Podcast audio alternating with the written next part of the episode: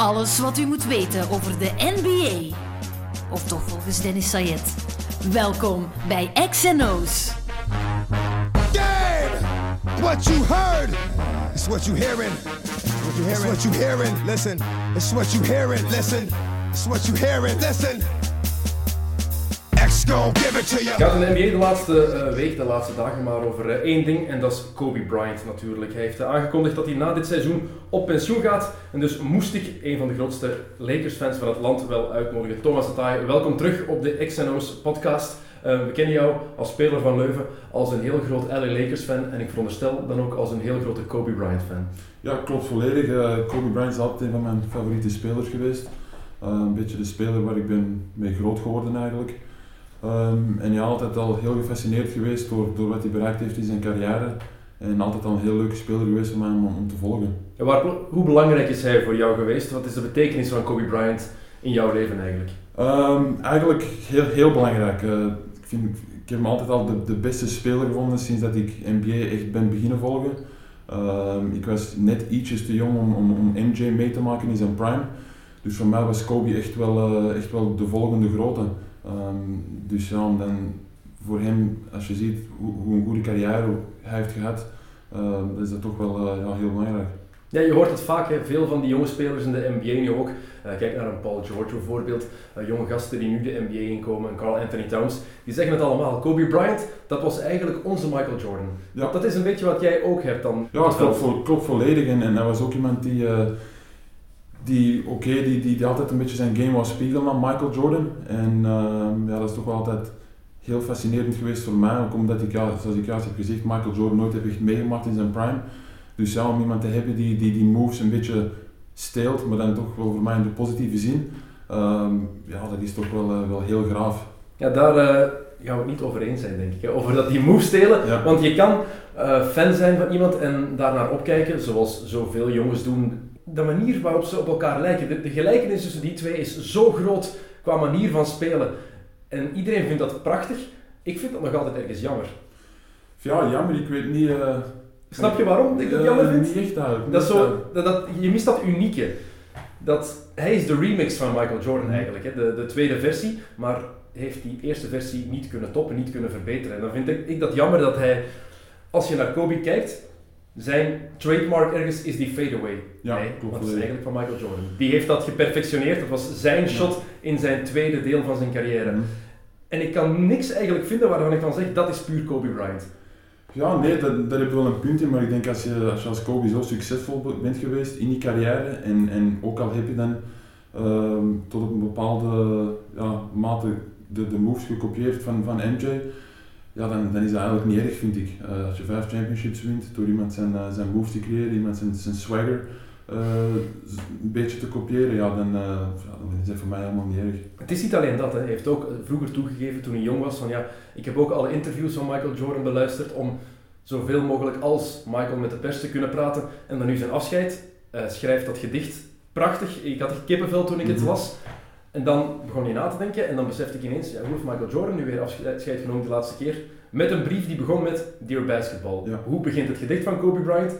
Dear Basketball. Het was prachtig, ik zeg het, ik had echt een krop in de keel toen ik het las. En toch maakte dat een beetje minder, minder emotioneel, minder mooi voor mij. ik weet dat ik daar misschien ja. een muggenzifter eh, in ben, maar dat is, subjectief natuurlijk. Ja, het was misschien een beetje ja, minder origineel omdat MJ dat al had gedaan. Eh, maar ja, veel mensen vergelijken hem ook met, met MJ, de tweede beste shooting guard ooit. Dus, eh, Zonder twijfel. dus ja, eh, als hij dat zo wil doen, als hij op die, die manier wil doen, dan, ja, dan mag hij dat van mij zeker doen. En laat ook duidelijk zijn, ehm the closest thing to Michael Jordan, dat is en zal altijd Kobe, Kobe Bryant blijven. Dat is, daar ben ik het ook over Ja, eens.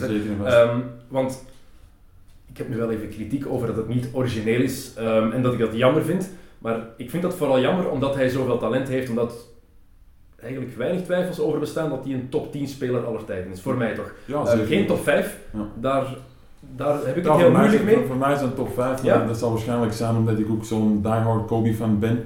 Eh, maar ik snap het ook, hij is, hij is sowieso top 10. Sowieso Als, als jij een top 10. 5 moet maken, wie, is jou, wie, staat er in die top 5 dan Ehm, met Kobe? Eh, natuurlijk MJ op 1. Ehm, twee zou ik mm, Larry Bird zetten. 3 drie, MJ.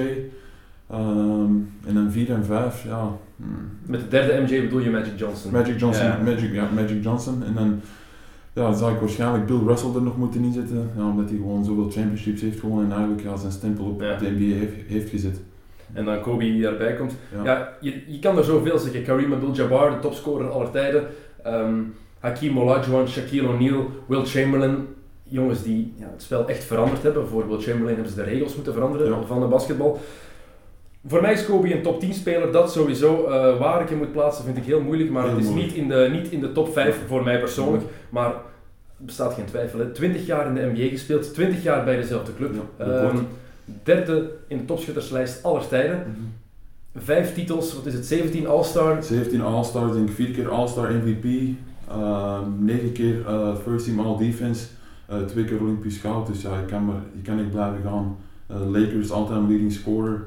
Dus hij heeft eigenlijk alles bereikt wat hij, wat hij moest bereiken. En, en ik vind toch wel um, een, een van de beste Lakers-spelers ooit. Ik wou net vragen, is hij de greatest Laker? Ik, ik vind van wel. Ik vind van wel. Oké, Um, en wa- waarom, waarom vind je dat? Wat is die, um, jouw motivatie daarvoor? Er zijn verschillende factoren, vind ik. Eh 20 jaar bij dezelfde ploeg gespeeld, Ehm, is iets dat nog nooit is gebeurd. John Stockton staat op nummer 2 met 19 jaar bij de Utah Jazz.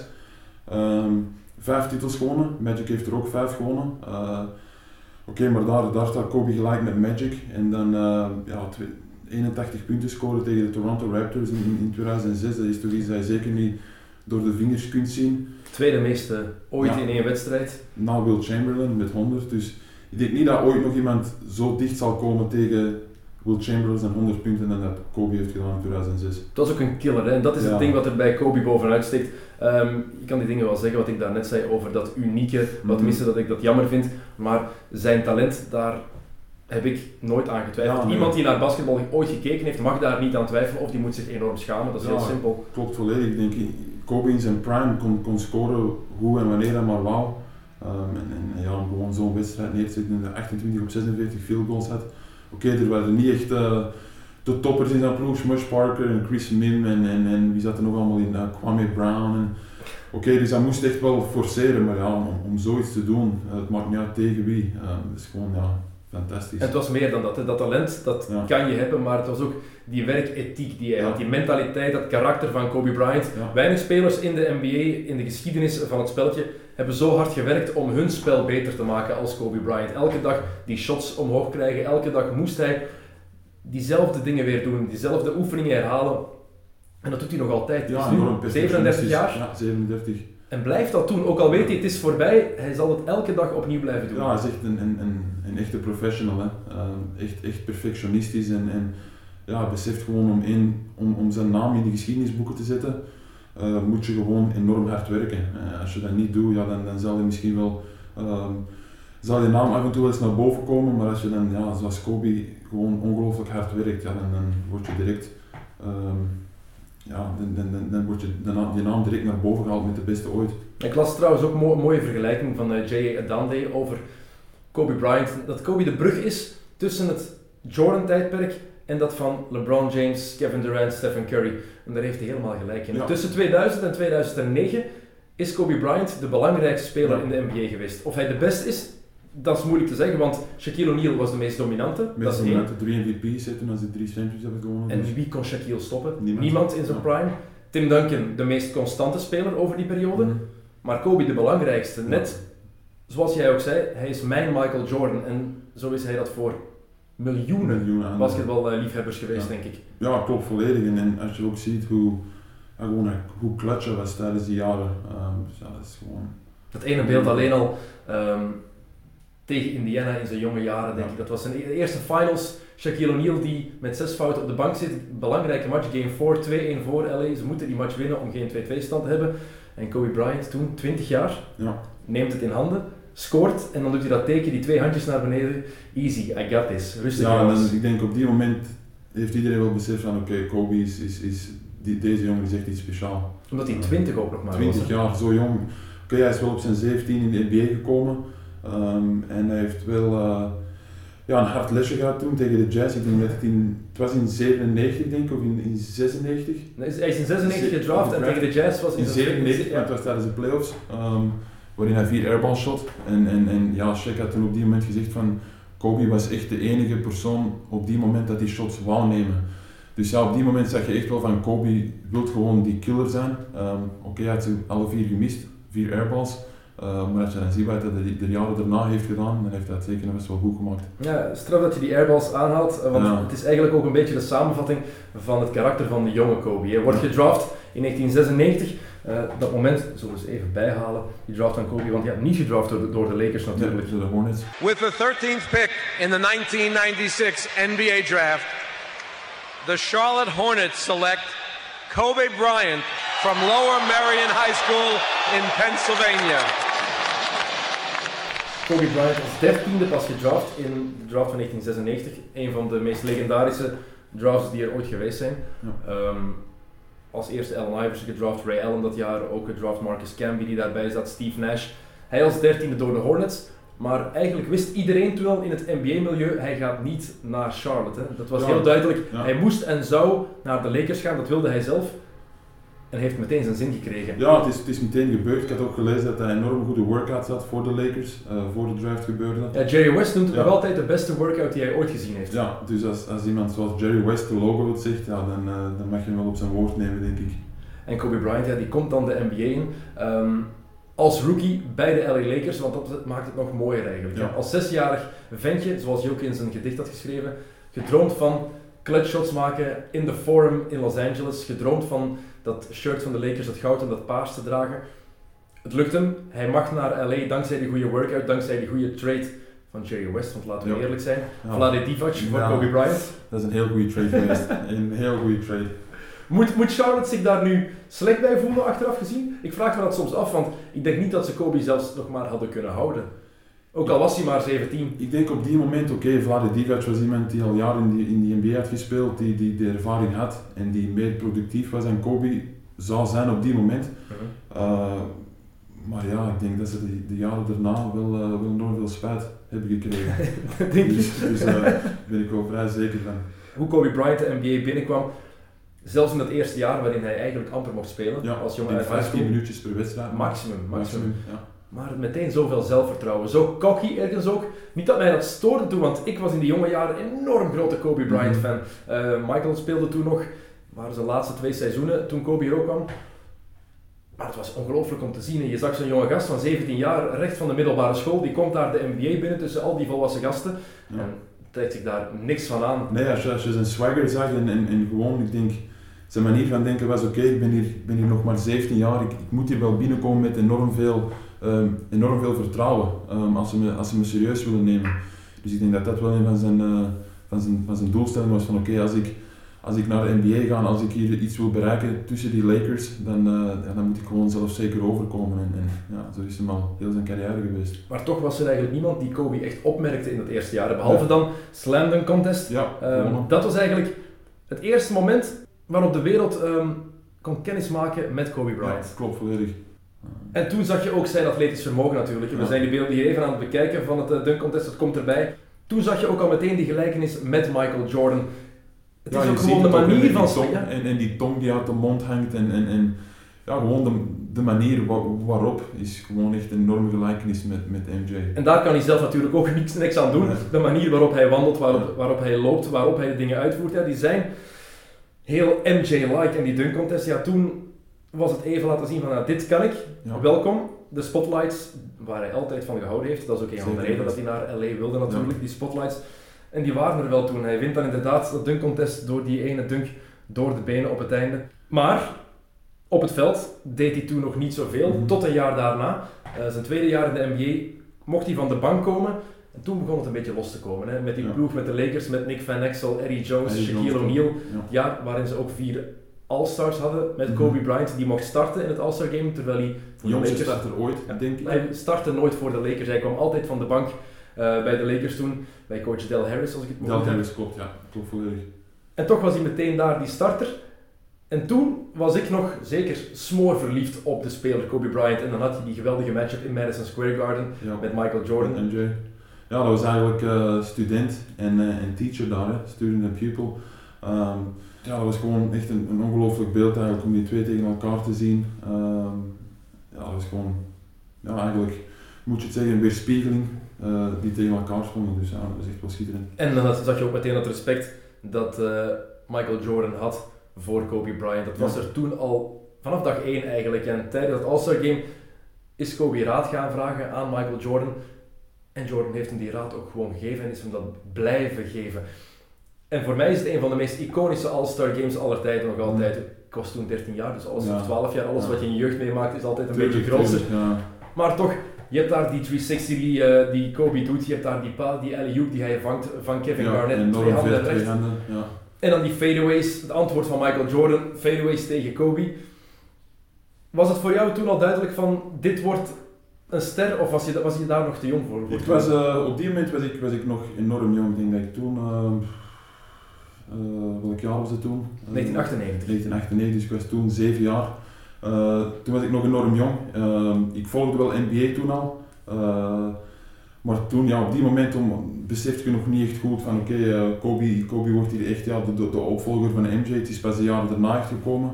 Uh, maar ja, zoals het zelf zegt, hè, gewoon als je zag hoe, hoe Kobe die mentaliteit van everything you can do, I can do better. Om zo tegen Michael Jordan ja, one-on-one aan te gaan, is toch, ja, spreekt enorm veel over zijn, over zijn zelfvertrouwen en zijn karakter. Toen werd wel duidelijk natuurlijk dat jaar dat hij de gedoodverde opvolger was. Want je had al de next Michael Jordan, had je al zoveel keer zien passeren. Jerry Stackhouse was er eentje van Grant Hill, is er onder andere één geweest en die het ook had kunnen worden als hij zijn enkel blessures niet had gehad. Wie weet. Zelfs Harold Miner, Baby Jordan noemden ze ja. dus dat is ook niet uh, afgelopen toen dat ze het waren. Dus, uh. Maar Kobe is wel de enige die het heeft kunnen inlossen. Ja. Vooral die combinatie met Shaquille O'Neal. Want je hebt het vaak over de beste speler aller tijden. Je kan ook praten over het beste duo, de beste one-two punch.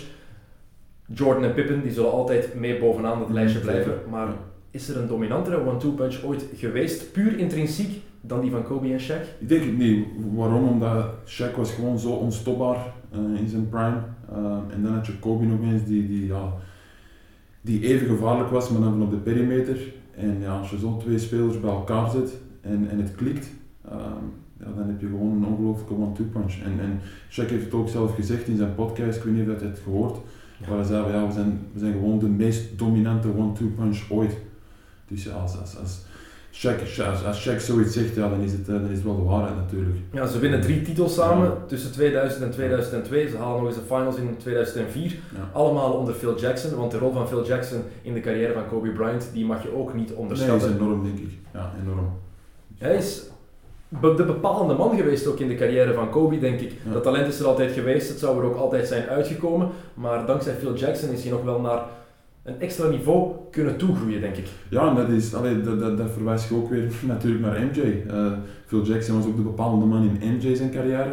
En heeft dan eigenlijk gewoon hetzelfde gedaan in Kobe zijn carrière. Gewoon, gewoon ja, echt Kobe um, goed begeleid. Um, iemand die, die overweg kwam met Kobe zijn moeilijk karakter, laten we het zo maar zeggen. Met zijn ego? Met zijn ego natuurlijk.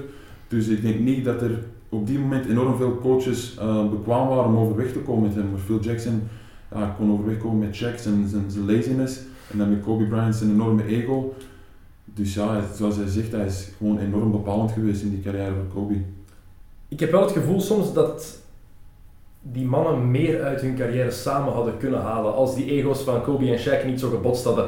Want wordt vaak naar één van de twee gewezen. Het lag duidelijk aan allebei. Zo simpel is dat. Ja, ik denk dat ze gewoon twee alpha males en, en beide wilden gewoon niet toegeven. Um, Shaquille O'Neal die vond dat hij de man was, dat hij de max player was. Kobe die vond dat hij de man was, de max player.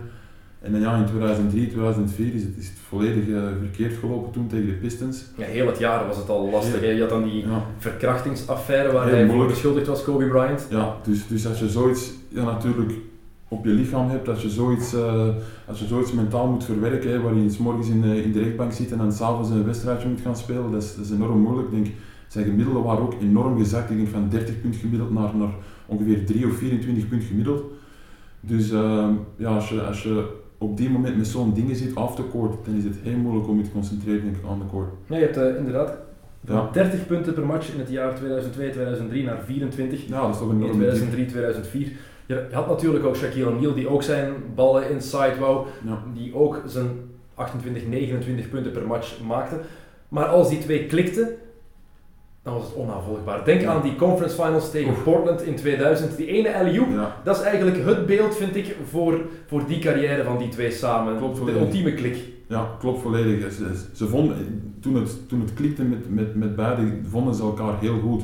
Ehm, maar het is, het is, we zeggen, ehm, de relatie is enorm achteruit gegaan en, en Kobe die niet overweg kon met, met zijn laziness, zijn attitude. Ehm, Kobe ja, enorm perfectionistisch is, enorm hard werkt, ehm, enorm groot eergevoel heeft voor, voor de, het harde werk dat hij erin steekt. En dan ja, Shaquille O'Neal is meer eigenlijk van ik zal niet echt zeggen God-given, eh, maar toch wel natuurlijke gaves, enorm sterk gebouwd, ehm, atletisch in zijn prime. Eh, dus ja, de, de game kwam eigenlijk veel gemakkelijker voor Shaquille O'Neal dan voor Kobe kwam. En dat is iets waar Kobe niet echt eh, overweg mee kon. Ja, Kobe was ook iemand, we hebben het al gehad over zijn karakter, de manier van werken. Hard trainen, altijd. En als een speler van zijn ploeg dat dan niet deed, een ploegmaat, dan waren er problemen. Omdat Kobe Ja. vond, iedereen moet zich aan mijn standaard houden. Als ik zo hard train, moet de rest dat ook doen. En wat je zei, Shaquille O'Neal deed dat niet altijd. De helft van de tijd kwam hij out of shape Ja, op training camp, behalve het eerste jaar toen ze de titel hebben gewonnen, Mhm. 1999-2000. Toen was hij wel meteen helemaal fit, daarna niet. Denk aan die tijd dat hij geblesseerd was aan zijn teen en dan zegt hij, I got injured on company time, I'll heal on company time. ja, In plaats van tijdens de zomer zich te laten opereren, doet hij dat in het seizoen, omdat het dan company time is. ja. Ik snap de frustratie van Kobe daar ook wel in ergens. ja, zeker en vast. En, en hij heeft ook die lijn doorgezet. Hè. Het klikte niet echt met Shaquille O'Neal en, en, en Dwight Howard. Het klikte het ook niet echt mee. Dus, dus ja, ik vraag Dwight Howard en Shaquille O'Neal ook een beetje qua, qua ja, mentaliteit. Ik vind dat ze zoveel meer uit, uit hun carrière hadden kunnen halen. Ehm, gewoon als ze ja, iets harder werken of gewoon iets, iets meer gemotiveerd zijn, denk ik dat, dat beide ja, veel meer uit hun carrière hebben kunnen halen. Dan heeft Shaq, Shaq gewoon nog zoveel meer talent dan Dwight Howard ooit gehad heeft. Zeker en vast, Shaq was, was tien keer dominanter dan Dwight Howard ooit zal zijn. En Kobe heeft het pas ook gezegd, hè. Ehm, tegen Shaq op die podcast heeft hij het volgens mij gezegd, van ja, door met Dwight Howard samen te spelen, heb ik beseft wat ik met jou had, wat ik met Shaquille had. Ja, ja en, en ik denk ook wel dat voordat ze samen gingen spelen, Dwight en Kobe, dat, dat Kobe een beetje verwachting had van oké, misschien kunnen we een tweede deel brengen van wat er met mij en mijn, en Shaq is gebeurd. Uh, dat is dan spijtig genoeg niet ingelost. Daar was Howard ook niet goed genoeg voor, denk ik. Nee, hij wa- hij was ook niet goed genoeg, maar ik denk, ik denk gewoon dat ook zijn de mentaliteit volledig verkeerd was. Ehm, ik denk dat hij toen met zijn, Met zijn schouder, ja. enorm sukkelde. Ehm, ja, dat duurde toch wel iets langer dan verwacht eigenlijk. Ehm, en dan ja, de verwachting echt totaal niet ingelost. Je had dan die Shaq-periode natuurlijk, ehm, en dat einde in 2003, 2004 was een heel lelijk einde. Heeft ook ergens Ja. een beetje een negatief daglicht laten schijnen op die carrière van Kobe Bryant, Zeker. achteraf gezien. Ook op die van Shaq, maar ik heb vaak het gevoel dat Kobe daar slechter is uitgekomen dan O'Neal. Mede omdat Shaq twee jaar nadat hij is vertrokken uit LA al een titel heeft gewonnen bij. Miami. Ja. En zich dan een beetje, een beetje wraak heeft kunnen nemen, dan, Mhm. een, beetje, een beetje revanche heeft kunnen nemen. Maar we mogen de rol van Shaq daar ook niet in onderschatten. Hè. In het Nee. laatste jaar, eh, toen hij een contract moest krijgen, als hij zwaar dunkte, dan liep hij voorbij de eigenaar, Dr. Jerry Buss, en riep hij pay me. Pay me, Pay me. inderdaad. Ja, ja ik, denk, ik denk, alles wordt een beetje afgeschreven hier op, op, op Kobe. Ik denk dat Kobe hier een beetje de schuld te veel voor krijgt. Ten onrechte. Ja, ten onrechte. En zoals gezegd, ja, Shaquille O'Neal zit er zeker en vast ook voor iets tussen. Ehm, het is niet altijd van één kant dat het komt. Ehm, maar ja, dan, hij hij was getraind naar de Heat voor, voor Lamar Odom, Karen Butler, Brian Grant. En, en, en dat, was, dat was een beetje het einde van, van, die, van die dynasty eigenlijk. Hè. Ze hadden dan Karl Malone, dat was volledig misgelopen, ook met zijn knieën en blessures, was ook niet meer de gezondste. Ehm, Gary Payton had ze binnengehaald. Hij was ook niet meer de Gary Payton, wat het was van vroeger. Nee, maar als Malone gezond blijft in die finals, dan Ja. krijgen we wel een ander verhaal, Zeker. denk ik. Maar ja, dat is natuurlijk het. Ja, dat Wat weet- als, dat kan je zoveel, zoveel zeggen. Voilà, dat weten we nooit. Dus ze hadden enorm veel geïnvesteerd in die ploeg eigenlijk. Ehm, en ja, het, was, het was gewoon niet gebeurd. En dan ja, verloren tegen de Pistons, denk ik 4-1. Ja. Ehm, dus ja, Larry Brown die zijn revanche dan kan nemen. Want verloren met de Sixers en AI en dan kan hij zijn revanche nemen met de Pistons. Dus ja, op die moment ehm, was het toch wel ja, even treuren voor, voor, voor Lakers fans en vooral voor mij ook. Maar het is wel logisch, vind ik, dat de Lakers hebben gekozen voor Kobe Bryant. Shaquille O'Neal was al ouder aan het worden, Ja. zat al, wat is het, 12 jaar in de NBA. Kobe was veel jonger, zijn achtste jaar in de NBA, kwam van high school, dus was, hoe oud was hij toen? Eh, Kobe toen? 26 jaar. Ja. Nee, Ah. in 2004 was hij 26. Ah, ja, 26 jaar, ja, zo. Ja. Dus dan is het toch maar al te logisch dat de Lakers die keuze hebben gemaakt voor, voor, voor Kobe. Ik denk ik denk gewoon dat ze, ze hadden voor zekerheid kiezen. Ehm, en, en, en ik denk dat ze gewoon, ze geloofden wel in Shaquille O'Neal natuurlijk, zeker en vast als je drie championships kan winnen.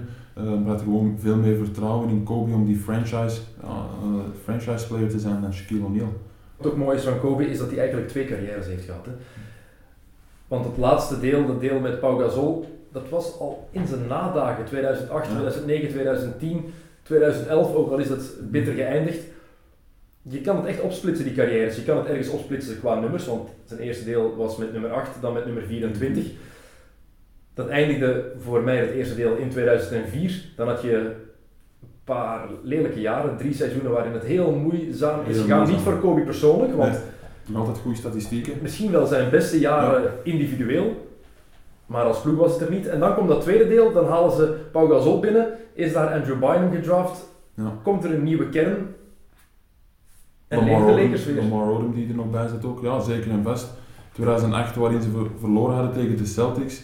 Ehm, maar ja, dan 2009, 2010 winnen ze daar back-to-back titles. En ik denk vooral die vijfde titel die Kobe er wint, dat dat wel een enorme, ehm, enorm deugd, deugd gaf. Ehm, enorme ja, vrijstelling zal ik zo maar zeggen, omdat hij wist van oké, nu heb ik gewoon meer titels gehaald dan, dan Shaquille O'Neal. Dus dat was echt wel ja, gewoon een, ja, een enorm prettig gevoel denk ik voor Kobe om te weten van oké, Shaq, ik heb, iets, ik heb iets bewezen nu, ik heb je tegendeel bewezen, ik kon het ook mee met anders. Ik heb er twee zonder jou gewonnen. Twee zonder u gewoon inderdaad. En als de man, want in de eerste drie jaren, bij de eerste drie titels, was Shaquille O'Neal nog altijd de go-to guy. Ook Ja. al scoorde Kobe 6, 7, 28 Ja. punten per match. Dat is wel Shaq die de finals MVP was. Shaq die eh, de belangrijkste pion was voor de Lakers. Dat was in die tweede titelrun helemaal anders. Hè. Toen was het echt Kobe's team. Ja, toen was het Kobe's team en ik denk ook, de eerste drie titels die ze hadden gewonnen, ehm, dat was gewoon ook gewoon volledig dankzij Kobe en Shaq. Die, die, die, die vierde en die vijfde titel die Kobe heeft gewonnen met Gasol, denk ik dat ietsje meer eh, team-oriented was ehm, en, en meer afhing ook van, van de ploeg. Kobe die natuurlijk ja, enorm goed speelde, eh, maar dat was wel iets meer eh, ploegverband in dan die eerste drie titels die ze hadden gewonnen. Althans, die laatste, 2010, je zegt daar, die opluchting. Het scheelde niet veel of de Celtics hadden die opnieuw gewonnen. Hè? Want Ja. ik weet niet of je dat weet, dat plannetje van wat Doc Rivers en Tom Thibodeau hebben uitgedokterd toen. Ze wisten op het einde van een match, als het spannend wordt, en dat is vaak zo in een Game 7, ehm, Kobe gaat die bal willen hebben. Kobe Zeker. gaat het shot ook willen pakken. Dus ze zijn met twee, drie verdedigers naar Kobe gegaan, want ze wisten, maakt niet uit wie er open staat, Kobe zal dat shot toch pakken. Ja. En ik denk dat hij zijn slechtste match van het jaar speelt in Game 7, 15 punten dat hij dan maar scoort, Ja, niet veel, 17. niet veel gescoord. Ik weet, ik weet niet meer hoeveel, maar het was inderdaad niet veel. En dan heb je Rajon Rondo die zelfs nog een driepunter binnengooit uit Ja. de hoek daar, herinner ik nog Ja. heel goed. Ehm, het scheelde niet veel en dat is dan iets wat Kobe ook altijd heeft willen doen. Hij heeft het initiatief altijd genomen, heeft die verantwoordelijkheid altijd willen nemen. En dat is vaak goed uitgedraaid. Maar vaak heeft hem ook wel geschaad, heeft hij er ook wel problemen mee gekregen. Ja, zeker en vast. Ik heb het straks al even vermeld. Hij, wil altijd, hij heeft altijd al de grootste shots, de grootste shots willen nemen. En eh, het heeft hem enorm veel fame opgeleverd en, eh, en, en ja, enorm veel buzzer beaters, game winners. Ehm, maar het heeft hem ook ja, veel wedstrijden gekost. Ehm, dus dat is een beetje het risico natuurlijk. Als je de go-to guy bent, eh, dan ga je altijd wedstrijden hebben waarin het, waarin het lukt. En dan ga je ook meerdere wedstrijden hebben waarin het niet lukt. Dus eh, dat is ook een beetje het geval met Kobe. Ja, ik zeg het liever eerlijk, want wat heel opvallend is, wat altijd zo is als een grootheid stopt met spelen, ineens is iedereen positief, alleen maar positief over die persoon, over die speler. En ik heb het al gezegd, Kobe is een van de tien beste spelers aller tijden. Geen twijfel over, voor mij toch niet. Maar je moet daar ook wel eerlijk in zijn. Nooit, alles is nooit alleen maar positief. Hè. En nu, nu heb je dat gevoel wel een beetje. Ineens is iedereen een Kobe-lover. Ook Ja, mensen die hem niet konden uitstaan. Ja, ineens begint, begint iedereen nostalgisch te worden en ik denk dat gewoon iedereen nu begint te beseffen van oh, volgend seizoen gaat het ja, volledig anders zijn. De league gaat er een Lakers team zonder Kobe Bryant is gewoon zo raar. Oké, hij is wel geblesseerd geweest de voorbije drie jaar en, en, en hij heeft enorm veel wedstrijden gemist, maar we wisten nog wel altijd dat, dat Kobe verbonden was met de franchise, dat hij nog wel altijd zal terugkomen. Maar om nu definitief, definitief te weten dat hij, dat hij niet meer terugkeert, ja, mensen, mensen beginnen één keer zijn carrière te herleven en, en al zijn grote momenten boven te halen. Ehm, en terecht vind ik, terecht. Dus hij is een grootheid en ik vind het zeker terecht. Dat zonder twijfel, zonder twijfel. Ehm, heb je gehoord wat Kevin Durant gezegd heeft over de media, over hoe ja. Kobe? Ik er even bij halen hoe hij zich gericht heeft tot de media. Uh, yeah, I did analyze Kobe Bryant. Studying him, wanted to be like him. You know, he's uh, Michael Jordan. You know, I watched Michael towards the end of his career when he was with the Wizards, and I seen that's when Kobe emerged as the guy for us. So, yeah, I mean, I've been disappointed this year, you know, because you guys treating him like shit. You know, he's a legend, and all I hear about how bad he's playing, how bad he's shooting, it's time for him to hang it up. You guys treated one of our legends like shit, and I didn't really like it. We moeten gewoon objectief soms zijn. Ook natuurlijk, zeker de pers in Amerika, daar gaat het er nu eenmaal om dat je de waarheid zegt wat er gebeurt. En dit jaar is Kobe tegen 20% van achter de driepuntlijn aan het schieten en ja, 30%, 30% field goals. in het totaal. Ja. Dat is gewoon niet goed. Nee. En dat is ook geen schande, hè? Ja. Na al die zware blessures die hij gehad heeft, want het zijn geen kleintjes, hè? Achillespees gescheurd, zware schouderblessure, mm. stevige knieblessure. Dan is het logisch dat dat zeker met die jaren, met 20 jaar in de NBA te spelen, dat dat zeker. wreekt. Dat, is, dat voel je gewoon. Ja, zeker. En zeker op die leeftijd. Hè. Kobe, 37 jaar nu en, en, en ik, weet, ik weet niet juist uit mijn hoofd hoeveel keer hij de playoffs heeft gemist. Maar ja, heel zijn carrière bij de, bij de Lakers heeft hij bijna altijd de playoffs gehaald. Uh, enorm veel minuten gespeeld. Uh, enorm veel mileage op, op zich staan. Dus ja, om, om zo'n drie blessures na elkaar te hebben, is voor, voor, kan voor elke speler van, van elke leeftijd fataal zijn. Uh, maar dan voor op die leeftijd um, zo'n blessures mee te maken is natuurlijk nog altijd veel zwaarder. Maar betekent niet dat je als pers of als media ineens de waarheid niet meer mag zeggen. Hè? Het is niet omdat het een legende is dat je moet zeggen van oké, het is allemaal goed nu Kobe. Nee, hij, hij pakt nog altijd veel shots, meer dan ooit misschien wel nu. Het is tegen een vreselijk percentage en ik zou niets liever willen dan dat hij nu nog 25 punten per match scoort tegen 40, 45 procent. Maar het gebeurt niet zo, dus dan mag je dat ook wel uitwijzen. dat, is toch geen, dat is toch geen belediging voor hem? Nee, het, het, is geen belediging. En hij heeft ook zelf gezegd, ik werk enorm hard. Ik, ik, ik wil ook persoonlijk echt niet zo slecht spelen als ik nu bezig ben. Ik doe alles om het, om het beter te maken. Uh, maar ja, het lukt gewoon niet meer. Hij zegt van mijn lichaam wil niet meer mee. Um, het duurt echt enorm lang voor ik warm word. En, en ik denk ook wel dat de media het een beetje tegen hem houdt van, van het tweejarig contract dat hij had getekend. Uh, in 2000, 2013, 2014 ben ik vrij zeker.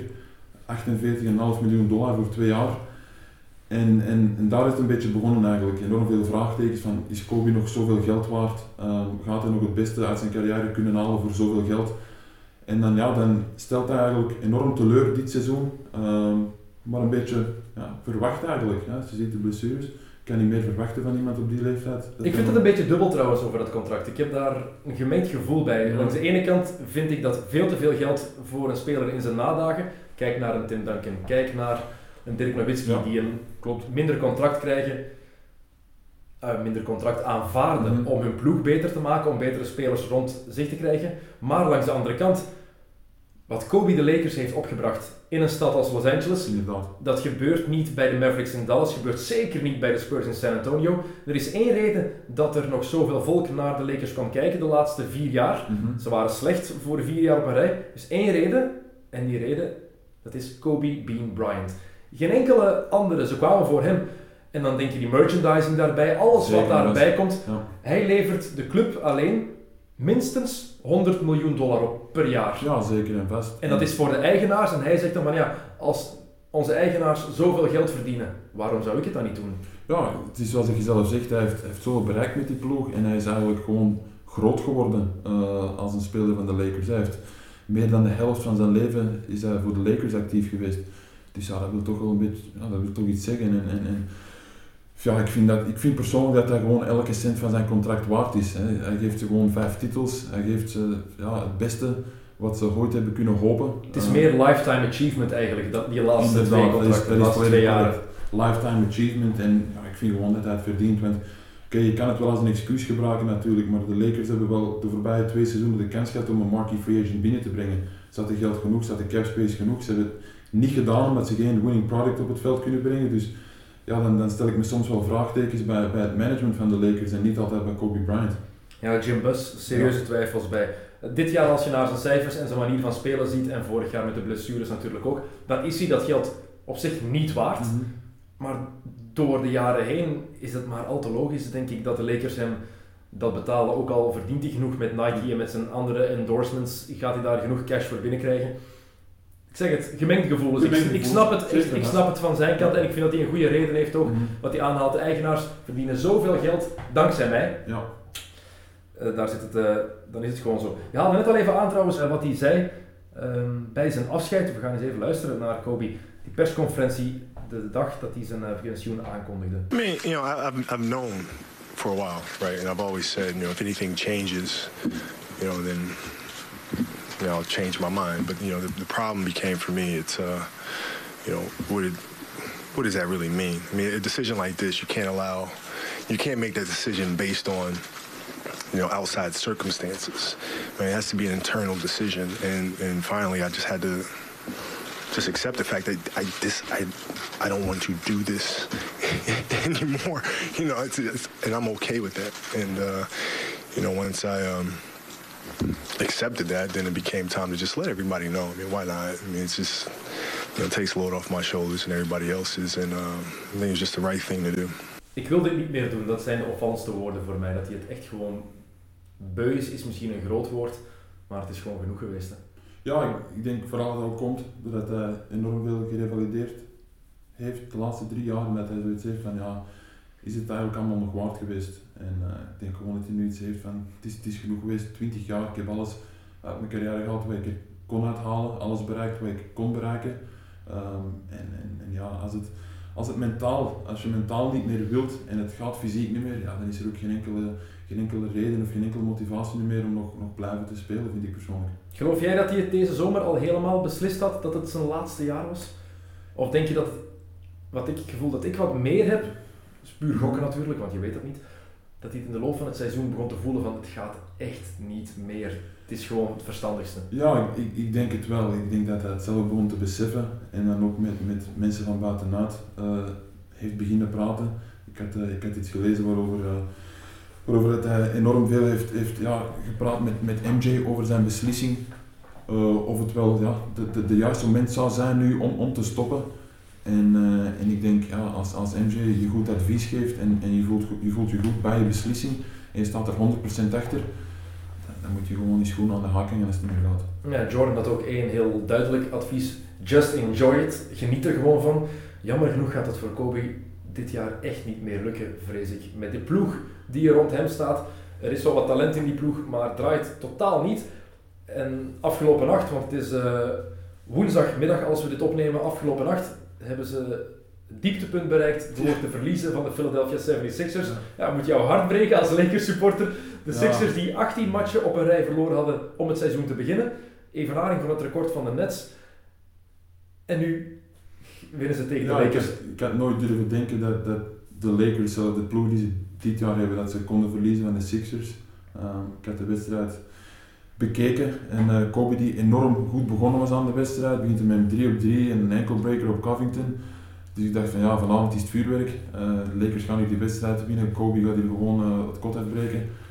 En dan, ja, na die eerste drie, vier shotjes, was het eigenlijk volledig gedaan. Ik denk dat de been, beentjes niet meer meewouden. Dat zei hem ook zelf daarna in de persconferentie van ja, ik, mijn eerste drie, vier shotjes, mijn eerste minuten, wa- minuten waren enorm goed. Daarna vond ik gewoon mijn groove niet meer. En, en, dan, ja, dan, dan verliezen de Lakers eh, die wedstrijd in Philly en dat is toch wel enorm, enorm pijnlijk voor de Lakers fan. En net in In Philadelphia. Philly, ja. Kobe Bryant opgegroeid in Italië voor een groot deel, omdat zijn vader daar speelde. Daar heeft hij een deel van zijn jeugd doorgebracht. Terug naar Amerika gekomen toen hij 15 was, denk ik. Mhm. In Philadelphia, daar Lower Marion High School gespeeld. Staatstitels gewonnen, een van de beste high school spelers aller tijden geworden in Amerika. En dan net in zijn Philadelphia zo'n zuur afscheid. Ik vind het heel jammer voor Kobe. Ja, want hij, hij wil ervan genieten. Je ziet dat ook aan de manier. Je had het moment een, paar, een, een tijdje terug, was het met Dirk Nowitzki. Ja. Die up en under van Nowitzki. Hoe dat, je, hoe dat die twee met elkaar aan het lachen waren toen. Dat, dat vatte alles zo mooi samen voor En mij. ik denk, als ik dan ook de beelden zie na de wedstrijd, kun je de Lakers verliezen juist van de Sixers, maar Kobe heeft toch nog wel altijd die glimlach op zijn gezicht. En daaraan zie je wel van oké, het zijn echt wel zijn laatste momenten en hij is er wel met volle teugen van aan, van aan het genieten. Ja, we gaan eens luisteren naar Kobe trouwens, na die eh, nederlaag in Philadelphia. I'm just playing possum because I know my legs ain't gonna carry this energy for 48 minutes. Um, but certainly, I could I could sense a little bit of that. Yeah. Were there any funny conversations or any anecdotes going on with some of the younger players? Because Brett reminded us that Jaleel was not alive when we came into The this. jump ball at the end was interesting. We line up and he goes, I cannot believe I'm about to line up and do a jump ball with you right now. This is crazy. so, you know, we have moments like that, man. You can't just, you can't help but laugh. En dat merk je dan wel, hè. Ja. Wat er ook gebeurt, nu verliest hij van Philadelphia en toch kan hij daarmee lachen, want ik zei het van, hij gaat er niet echt- echt van kunnen genieten en hij bewijst mij al meteen eigenlijk het tegendeel. Ze verliezen van de slechtste ploeg in de NBA en er staat een lachende Kobe Bryant na de wedstrijd op die persconferentie. Ja, ze- zeker. En, en het is gewoon een beetje, hij weet ook in zijn achterhoofd wat hij allemaal heeft bereikt. En, en hij weet ook van, er zijn miljoenen fans, of ik, ik nu slecht of dat ik nu goed speel. Ik heb ze laten zien eh, tijdens mijn prime wat ik tot bekwaam was. En oké, dat het nu even minder loopt, ja, dat is mede dankzij die blessures. Ehm, du- du- dus ja, hij, hij speelt in, met, een enorm, met een enorme kalmte, denk ik nu. En, en oké, zijn percentages en zijn gemiddeld zijn, zijn heel slecht. Maar ja, als, als, als hij elk shot wil nemen, ja, dan mag hij voor mij gerust elk shot nemen dit seizoen. Hij trekt zich er ook niks meer dan Nee, aan. Jij denkt, Malone, pas op, Ja. I'm coming to get you. Ja. Ik word, wil nog tweede worden op die Ja. topschutterslijst aller tijden. Dus, eh, hij heeft al het record denk ik van meeste misses, field goal misses ooit. Dus hij heeft iets van, ja oké, ik, ik sta toch al op nummer 1, dus een paar meer of minder, eh, het kan toch niet Ja, het is zo. Niemand heeft ooit meer shots gemist in eh, de geschiedenis eh, Hij heeft ook enorm veel gemaakt natuurlijk. Dus, eh, Veel reacties natuurlijk op het eh, afscheid van Kobe. We hebben daar net al even Kevin Durant gehoord. Eh, maar een van de meest opvallende vond ik die van LeBron James. Die zei enorm veel spijt gehad heeft, dat hij enorm veel spijt heeft dat hij nooit tegen Kobe heeft kunnen staan in de finals. En vooral dat hij het zichzelf verwijt. Want in 2009 stond Kobe daar in de finals. Hij had zich aan zijn afspraak gehouden. Ja. En de Cavs die verliezen de conference finals van de Orlando Magic, Mhm. waardoor Dwight Howard en co naar de finals gaan. Jammer ergens ook dat we die twee grootheden nooit tegenover elkaar hebben gezien in de finals. ja, ik denk, het was wel een finale geweest voor de ages denk ik. Mooi voor de fans ook gewoon. Ja, En. Kobe tegen LeBron, dat is zoals Michael tegen Magic in Ja. Jordan zijn eerste finale. Dat, dat zijn Jordan tegen Drexler, dat zijn de dingen die, die je wil zien. Ja, tuurlijk. Hè. Op die moment waren eh, LeBron James en Kobe Bryant de twee grootste namen in de NBA. Kobe die al ja, ietsje ouder was toen, LeBron James die, die, die volledig in zijn prime zit. Dus ja, om die twee grote tegen elkaar even te zien spelen in die finales was, was enorm mooi geweest, maar het is, het is, het is niet gebeurd. Jammer genoeg. eh, Moest het gebeurd geweest zijn, denk ik ja, dat de Lakers eh, wel gemakkelijk waren gewonnen geweest. ik denk ook dat de Lakers die, net zoals ze gemakkelijk tegen Orlando hebben gewonnen, daar ben ik het ook mee eens. Inderdaad. Heeft maar één MVP-titel gewonnen, Kobe Bryant. 2008. Is dat te weinig? Is dat te weinig? Uh, hij had er op zich meer kunnen winnen. Uh, ik denk één jaartje ehm, Steve Nash had uh, twee zelfs, twee na elkaar. En dan, dan ook Dirk Nowitzki die in 2007 Zeven, had ja. gewonnen. Dus ja, hij wint hem dan uiteindelijk wel in, in 2008, nadat hij een, ja, een heel goed seizoen had gespeeld. Hij had er meer kunnen winnen, maar, maar ja. Moeten winnen voor jou ook, want je haalt daar die jaren van Nash en Nowitzki aan, 2005, 2006, 2007. Waren, tot de laatste jaren Ja. waren dat de drie slechtste jaren van, Ja. van Kobe Bryant bij de LA Lakers. Ja, het waren mindere jaren, maar ja, ik heb het al eens aangehaald. hè, Als je dan ziet de, de, de wedstrijden die hij toen speelde, hè, hij scoorde er 62 tegen de. Mavs in, in, in drie kwart. ehm, en dan die 81 punten tegen, tegen de Raptors. Ja, dat zijn toch wel wedstrijden natuurlijk. Dat, ik zal niet zeggen MVP beslissend zijn, maar toch wel meespelen. Maar winnen wordt altijd beloond hè, voor Ja, een MVP. Je moet als ploeg winnen om, om kans te maken op zo'n MVP-titel. Zeker en vast. En ik, om niet even te, ja, te wijzen naar dit seizoen, ik denk als James Harden, als hij, als hij 40 punten gemiddeld scoort dit seizoen, maar, maar de Rockets blijven struggelen, dan gaat James Harden nooit die MVP worden. Dus, En, en terecht ook. ja, het is terecht dat eh, als MVP wordt er verwacht dat je zo, zowel goede statistieken neerzet als je ploeg dit laat winnen. En, en, en ja, als je je ploeg niet kan laten winnen, dan, dan, dan ben je niet echt MVP waardig, zal ik het zo zeggen. Absoluut, daar Ja. ben ik het eh, helemaal mee eens. Jammer voor hem dan dat LeBron. James die jaren na zijn eerste MVP-titel, dat LeBron dan nog eens boven zichzelf begon uit te stijgen. Ja. En daarvoor ja, had je hem wel aan Kobe kunnen geven begin jaren 2000, maar toen was daar Shaq nog altijd die daar rondliep. dominant. Duncan die Ja. echt in zijn absolute prime was bij de Spurs, Iverson die dat superjaar heeft gehad. Ja. Kevin Garnett die daar ook was, want dat is ook mooi vind ik wel. Garnett en Kobe stoppen alle... Garnett gaat ook stoppen na dit seizoen, Hij lijkt heeft het nog één jaartje, hij heeft nog één jaartje. Maar ik, Als je ja, nu ziet rondlopen- Als je nu ziet rondlopen, ja, dan heb je zoiets van, ik kan er ook beter mee stoppen. Eh, Dat is een lijk hè? Met KG weet je natuurlijk nooit. Hè. Ik kan misschien nog een jaartje op die bank zitten, à la Juwan Howard en een beetje ja, gewoon een mentor zijn voor, voor, voor Carl Anthony Towns en al die jonge, al die jonge mannen. hè. Hij gaat toch in Minnesota blijven, want hij wordt binnenkort ook eigenaar daar. Voilà, hij gaat sowieso blijven. Dus zou niet van verschieten, moest hij nog een seizoentje meedraaien na dit seizoen. Maar ik zou ook niet totaal niet verbaasd zijn, moest hij na deze seizoen zeggen van ja, het is, het is genoeg geweest. Dan heb je Garnett die er binnen dit en twee jaar ons mee ophoudt. Kobe die er na dit seizoen mee stopt. De twee vaandeldragers van de high school generatie. Ja. Zijn ze de voorbeelden echt van iedereen. Hè? Tracy McGrady eh, is hen gevolgd. Jermaine O'Neal. Is in het jaar samen met Kobe gedraft. Mhm. Bryant die veel sneller succes heeft gehad. Kevin Garnett het jaartje voor Kobe. Ja. Hoeveel jongens zijn er wel niet nagekomen die hebben willen presteren wat Kobe heeft gedaan. Meteen naar de NBA komen en meteen succes hebben. En zo weinigen zijn erin geslaagd. Ja, enorm. Ik denk dat KG, vooral KG, ik denk dat KG die trend heeft gezet. Ehm, ik had gisteren nog iets gelezen waarin eh, ja, Kobe was natuurlijk enorm dominant in high school en had aanbieding van UNC, Michigan, Nova, eh, Duke. Eh, maar toen had je gezien van oké, KG was het jaar ervoor gedraft geweest door de Timberwolves als vijfde. Dus ja, ik ben nu op een punt waar ik misschien ook wel ja, in de eerste ronde direct al eh, mijn, mijn naam kan zetten. En ja, toen werd hij gedraft dertiende. Dus eh, ik denk dat KG ook een enorme invloed op die moment was voor, eh, voor Kobe Bryant. LeBron James heeft hem dan ook gevolgd. Ehm, om maar een, grote naam te noemen die meteen van high school Ja, naar de. NBA is gegaan.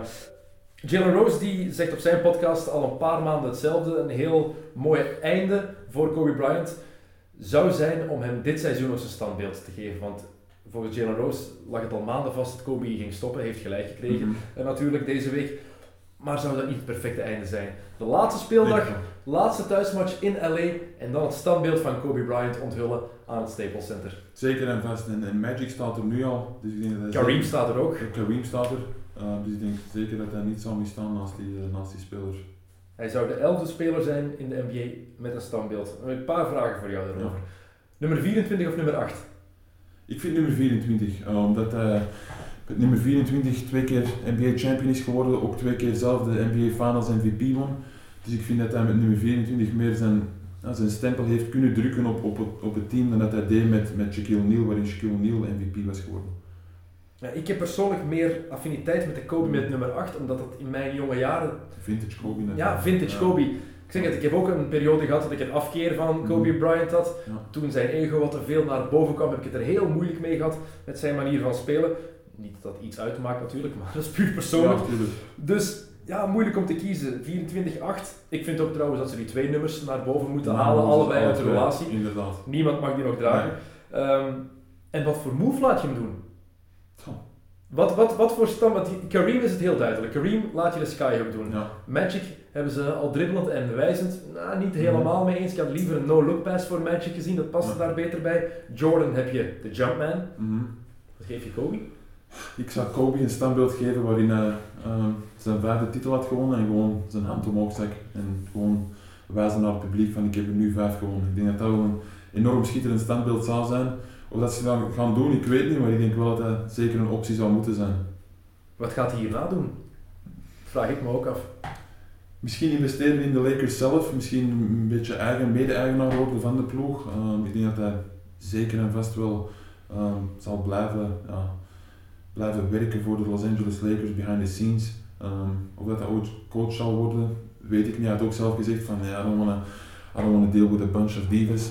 Ik denk, dat hij ik denk wel dat hij echt een goede coach zou Ik worden denk het trouwens. Ik denk Want- ook enorm slim. En, en hij heeft ook Phil Jackson meegemaakt natuurlijk. Dus ja, als je door iemand zo gecoacht bent en, en als je zelf als over zo'n basketbal IQ beschikt, ja, dan denk ik wel dat hij misschien ooit wel een coach zou kunnen worden en misschien succesvol zou willen zijn. Maar, maar, maar ik denk niet dat hij ja, zou willen. Er wordt vaak gelachen met Kobe van hij geeft nooit een pas en ik snap waarom ze dat doen. Hij was iemand die vaak voor zijn eigen shot keek, heel vaak. Maar zijn basket-IQ, dat mag je niet onderschatten. En dat is voor mensen die misschien sporadisch is een match van de Lakers hebben gezien, niet zo opvallend. Maar hoeveel keer heeft hij de laatste zes jaar niet gewoon het bord overgepakt en heeft hij zelf een time-out geleid en leidde dat op het veld tot iets goed? Ja. Kobe heeft dat inzicht wel. Ik denk dat hij een hele goede coach zou kunnen zijn. Ja, ik denk zowel, hij heeft dat laten zien de laatste jaren aan de zijlijn, hè, zoals hij zelf zegt, het bord overnemen en zelfs een, een, play tekenen, maar ook gewoon als je ziet wat hij heeft gedaan op het terrein. Ehm, als je ziet hoe, hoe, hoe slim hij is geworden over de jaren, hoe, hoe hij zijn spel eigenlijk heeft moeten veranderen. ehm, Door, ja, door, die blessures, door, die ouderdom. naarmate hij ouder werd. Dus ja, dat zegt ook wel enorm veel. Als je zo'n zo, ja, zo'n goed voetenwerk hebt, dat zegt ook enorm veel over je basketbal-accu. Dus. En die werkethiek die hij ook heeft, kan hij laten uitstralen op zijn spelers dan. Ik hoop ergens dat we Kobe nog in zo'n vorm gaan terugzien. Een echte grootheid zou een veel betere coach zijn dan Derek Fisher. ja zeker. er is geen enkel twijfel over mogelijk, denk ik. Uh, het is niet alleen in de NBA natuurlijk dat Kobe mooie dingen heeft laten zien. In high school daarvoor al. En ook op de Olympische Spelen. Zo hebben de gewone sportliefhebbers die de NBA nooit volgen hem ook leren kennen. Want daar heeft hij zich ook weer omgevormd. Hè. Daar is hij nog een andere speler geworden. Je had de Kobe van de jonge jaren, young Kobe, atletische gast die over iedereen kon dunken. Uh, denk aan die um, dunk in de playoffs tegen Minnesota was het denk ik, dat hij Ja. langs de baseline onderdoor vliegt eigenlijk wat Zag de gravity aan de target center. Ja, wat Dr. J gedaan heeft met, die, met één hand, deed Kobe al dunkend. Tuurlijk. Was een waanzinnige atleet. Heb je tweede, de tweede periode van zijn carrière, waarin hij meer naar die fadeaways gaat, meer ja, Michael Jordan in zijn oude, op zijn oudere dag wordt. echt, echt ook finesse begint te spelen eigenlijk, zijn, zijn, zijn laatste jaren. Dus. En dan heb je de Olympische Spelen, waarin hij laat zien wat hij in de NBA al genoeg heeft laten Mhm. zien. Dat hij een geweldige verdediger was, niet voor niks zoveel jaar al defensive first team. Ja. Daar richt hij zich dan helemaal op tijdens de Spelen. En op het einde van de match, geef die bal maar aan mij. Denk maar aan die finale tegen Spanje in 2008. Ja. Hij wint daar de match helemaal alleen. Ja, hij wint daar de match. En wat, ik- nog, ehm, wat ik nog eigenlijk ongelooflijker vind aan, aan hem in de Olympische Spelen, is dat hij echt speelt als een, als een teamspeler. Ehm, Oké, hij nam wel de belangrijke shots en hij nam wel de belangrijke beslissingen.